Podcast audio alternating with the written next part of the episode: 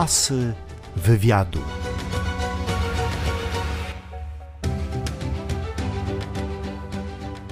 Gościem kolejnego odcinka projektu Asy Wywiadu jest Norbert Dudziuk, czyli Norbi, piosenkarz, prezenter radiowy i telewizyjny, wykonawca i współtwórca niezapomnianego przeboju Kobiety są gorące. Czy czujesz się jedną z najbardziej rozpoznawalnych postaci Olsztyna? Y, To znaczy sąsiad y, mnie nie poznał. Naprawdę? Tak, więc, więc chyba tak. tak. No tak mi się wydaje przynajmniej. No, ta twarz jednak się, wiesz, do, do piekarni chodzę, do sklepu. No wiesz o co chodzi, mijam ludzi na ulicy. Mam na myśli media, mam na myśli Twoją drogę artystyczną, Twoją karierę, to co komponujesz, śpiewasz, to co robisz w telewizji, na estradzie. Tak Czujesz samo, się troszkę niedoceniany w Olsztynie?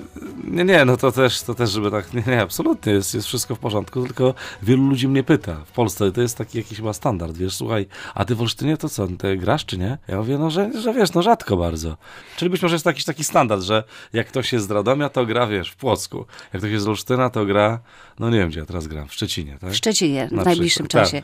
Pamiętasz taki moment, kiedy Twoja pasja, czyli to, co lubisz, to, co Mhm. wykonujesz, stała się zawodem? Tak, u mnie to był amerykański sen. Czyli wiesz, pracowałem w radio, tak siedzieliśmy sobie z, z Bałtroczykiem i z Górko, Z. Adamem Górko, tak. dodajmy, naszym dawnym kolegą radiowym. Tak, tak. Po prostu nagle, to się stało nagle. Facet wyjechał do Warszawy i mówi przyjeżdżaj i nagrywaj mi piosenki. Adam Górko. Tak, i nagrywaj, mi, do- i nagrywaj mi piosenki, chłopie. I, i bie- biegniemy do BMG albo do innego dużego labela, do, innego, do innej dużej wytwórni i, I i, pierwszy... i wydajemy. To był bardzo dobry czas. Który to był rok? 96, wyobraź sobie taką sytuację. Reklamóweczkę biorę, tak, taką foliową, wsiadam w tak zwany PKS pod hotelem Kormoran I do i Warszawy, jadę do, do Warszawy i stolicy. wysiadam, wiesz, pod Płacem Kultury z tą reklamóweczką.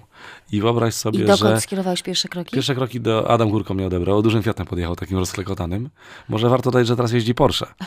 Pojechaliśmy do managementu, który on reprezentował i oni to zawieźli, to, czyli materiał, który zresztą Uryśka Szmita tutaj Mówimy o kobietach z, to kobieta gorących i, i piosenek z tej pierwszej debiutanckiej płyty. Tak zwane demo zawieźliśmy. I ci w BMG mówią, nie, my nie chcemy tego. A Adam mówi, nie? Poszedł na drugą stronę ulicy, wiesz, do Poligramu.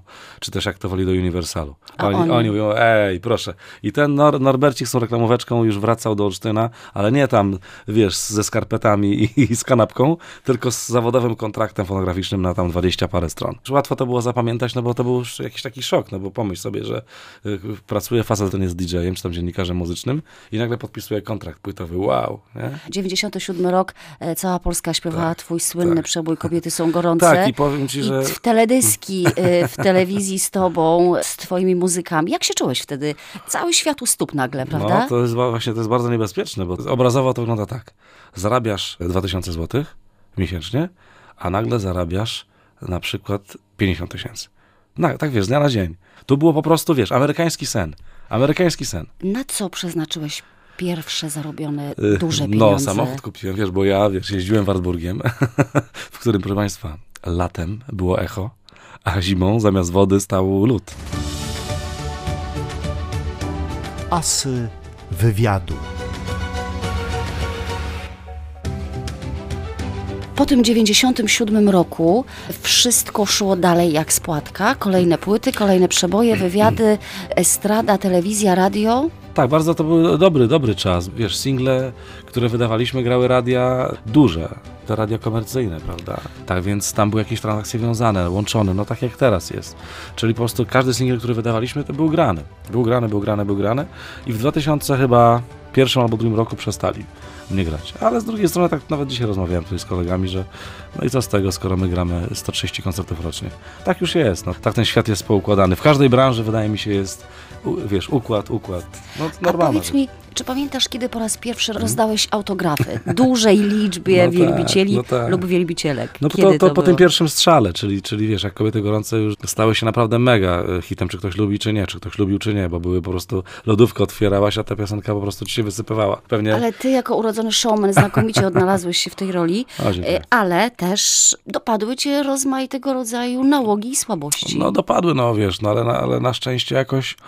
o hazardzie mówiłeś publicznie Tak, mówię publicznie, oczywiście, no wpadłem w te różne takie sidła, ale wydaje mi się, że no, no kurczę, no życie, no.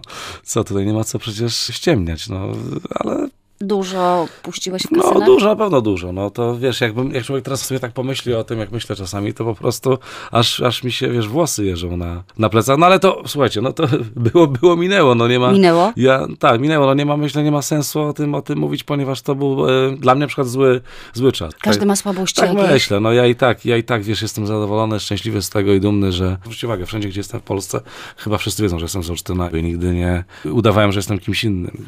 Czy to prawda, że miałeś kiedyś przezwisko Tekla? Tak, znaczy, chociaż y, bardziej y, pamiętałem Dudek, ze względu na nazwisko, ale Tekla oczywiście. Bo, dlaczego bo, Dlaczego, proszę Państwa, bo ja grałem na skrzypcach.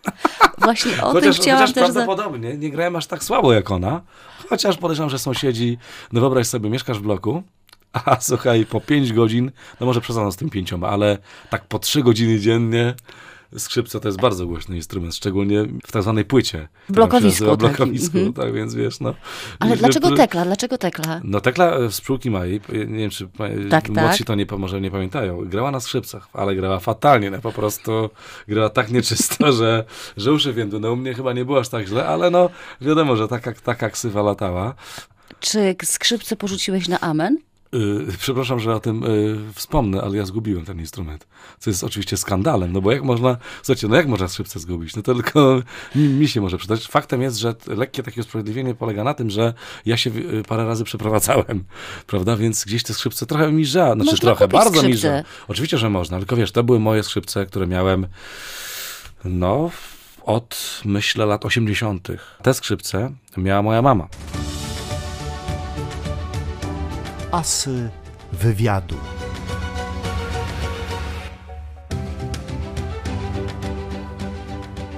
Twoja mama uczyła emisji głosu na Tak Akademii Muzycznej w Łodzi Tak jest. i w Wyższej Szkole Pedagogicznej w Oczywiście. Olsztynie. Y, Czy No w i- związku z tym ona właśnie zmuszała cię do nauki gry na skrzypcach? Oczywiście, znaczy zmusza, wiesz, no teraz zmuszała poniekąd masz rację, no bo, no wiesz jak to jest, no i ten dzieciak gra, no na początku grałem, potem mi się nie chciało, ale jak już wiesz, parę lat minęło, grałem. Moja na przykład córka zrezygnowała z tego, bo stwierdziła, że... I nie zmuszałeś Nie, jej? absolutnie, że nie i koniec. No i dobrze, natomiast wtedy było inaczej i jakby ci rodzice, no wiadomo, że tam w moim wypadku bacikiem tam Ile lat grałeś na skrzypcach? Oj, bardzo długo. No, po, od siódmego roku życia do aż się dostałem na studia, czyli ile miałem lat? 18-19, czyli dotrwałem do drugiego roku na Akademii Muzycznej w Gdańsku, tak? Ale na szczęście wyrzucono mnie z tej akademii, bo y, była taka akcja, że pojechałem z zespołem pieśni i tańca kortowo. Fantastyczny wyjazd do Portugalii. A po drodze, jak wracaliśmy z tej Portugalii autokarem, jedna z dziewczyn mówi: Słuchaj, ja wysiadam we Francji, bo ja tu zbierałam winogrona rok temu. No a ja mówię, słuchaj, skoro ty wysiadasz, to ja też wysiadam. I ze mną wysiadł jeszcze kontrabasista, klarnecista i akordeonista. No numer nie z tej ziemi. I teraz tak, akordeonista z klarnecistą pojechali do Polski na stopa, bo akordeonista miał w sobotę wesele, a to była środa, więc no po prostu niesamowita rzecz. A ja z kontrabasistą i z e, tancerką tegoż cudownego zespołu zostaliśmy we Francji. I powiem ci, że wróciłem z tej Francji, a to był sierpień, warto też zaznaczyć, tak? Wróciłem chyba w grudniu. No tak, wróciłem w grudniu, no to wiesz, no to już na Akademii Muzycznej byłem Panu skoś- dziękujemy. Tak jest, panu dziękujemy, bardzo mnie to ucieszyło, ale z kolei WKU, czyli, czyli Wojskowa Komenda Uzupełnień, zapukała do moich drzwi, ale wszystko się fajnie skończyło. Przepraszam, że tak jeszcze ten wątek rodzinny pociągnę proszę przez bardzo. moment. Jak twoja mama oceniała to, co robisz na scenie? Ale mówisz teraz już o, o tak zwanej mojej wątpliwej karierze. Jak to powiedział, spotkałem kolegę, muszę wam powiedzieć taką anegdotę, jest to, jest to hit, to jest króciutkie. Spotykam kolegę na stacji benzynowej, facet jest z Pońska, mówi, ludzie stoją dookoła, on mówi, witam cię stary, pamiętaj, i tak głośno mówi, jestem jedynym żyjącym fanem twojego wątpliwego talentu. Bardzo mi się to spodobało. I korzystam z tego bardzo często. No, by, by- była dumna ze mnie, no myślę, że do tej pory chyba jest, no. Ale myślę, że w tym pierwszym strzale, tak zwanym złotym, jak to mówią niektórzy, no była na pewno szczęśliwa. No, Czy inni muzycy doceniają to, co robisz? nie, niektórzy tak, niektórzy nie, wiesz. Dla Ludzie niektórych, z branży? dla niektórych jestem synonimem wiochy, dla niektórych jestem diskopolowcem, ale to, powtarzam jeszcze raz, nie każdy robi A dla ciebie to ma znaczenie, jak jesteś oceniany przez Kiedy, ludzi kiedyś, z branży? kiedyś tak. Kiedyś się obruszałem. Naprawdę mam to gdzieś. Ja po prostu robię swoje. Ja dostałem Fryderykę. Jak wygląda twoja współpraca z Marcinem Wawrukiem, bo to on był przecież pierwszym kompozytorem twoich utworów. No i jest, tam się pojawiają jacyś oczywiście ludzie po drodze, ale Marcin Wawruk jest, jest połówką Ciebie. Połówką mnie. Słuchaj, dla Marii Rodowicz robił aranże. Y, Dla T-Raperów z Nadwisły zrobił, y, czy też T-Raperom z Nadwisły zrobił, zrobił całą płytę. Rozwija się. Robi reklamy, y, jest wykładowcą, jest, słuchajcie, no, doktorem dyrygentury churalnej, no tu nie ma, nie ma, że to tamto.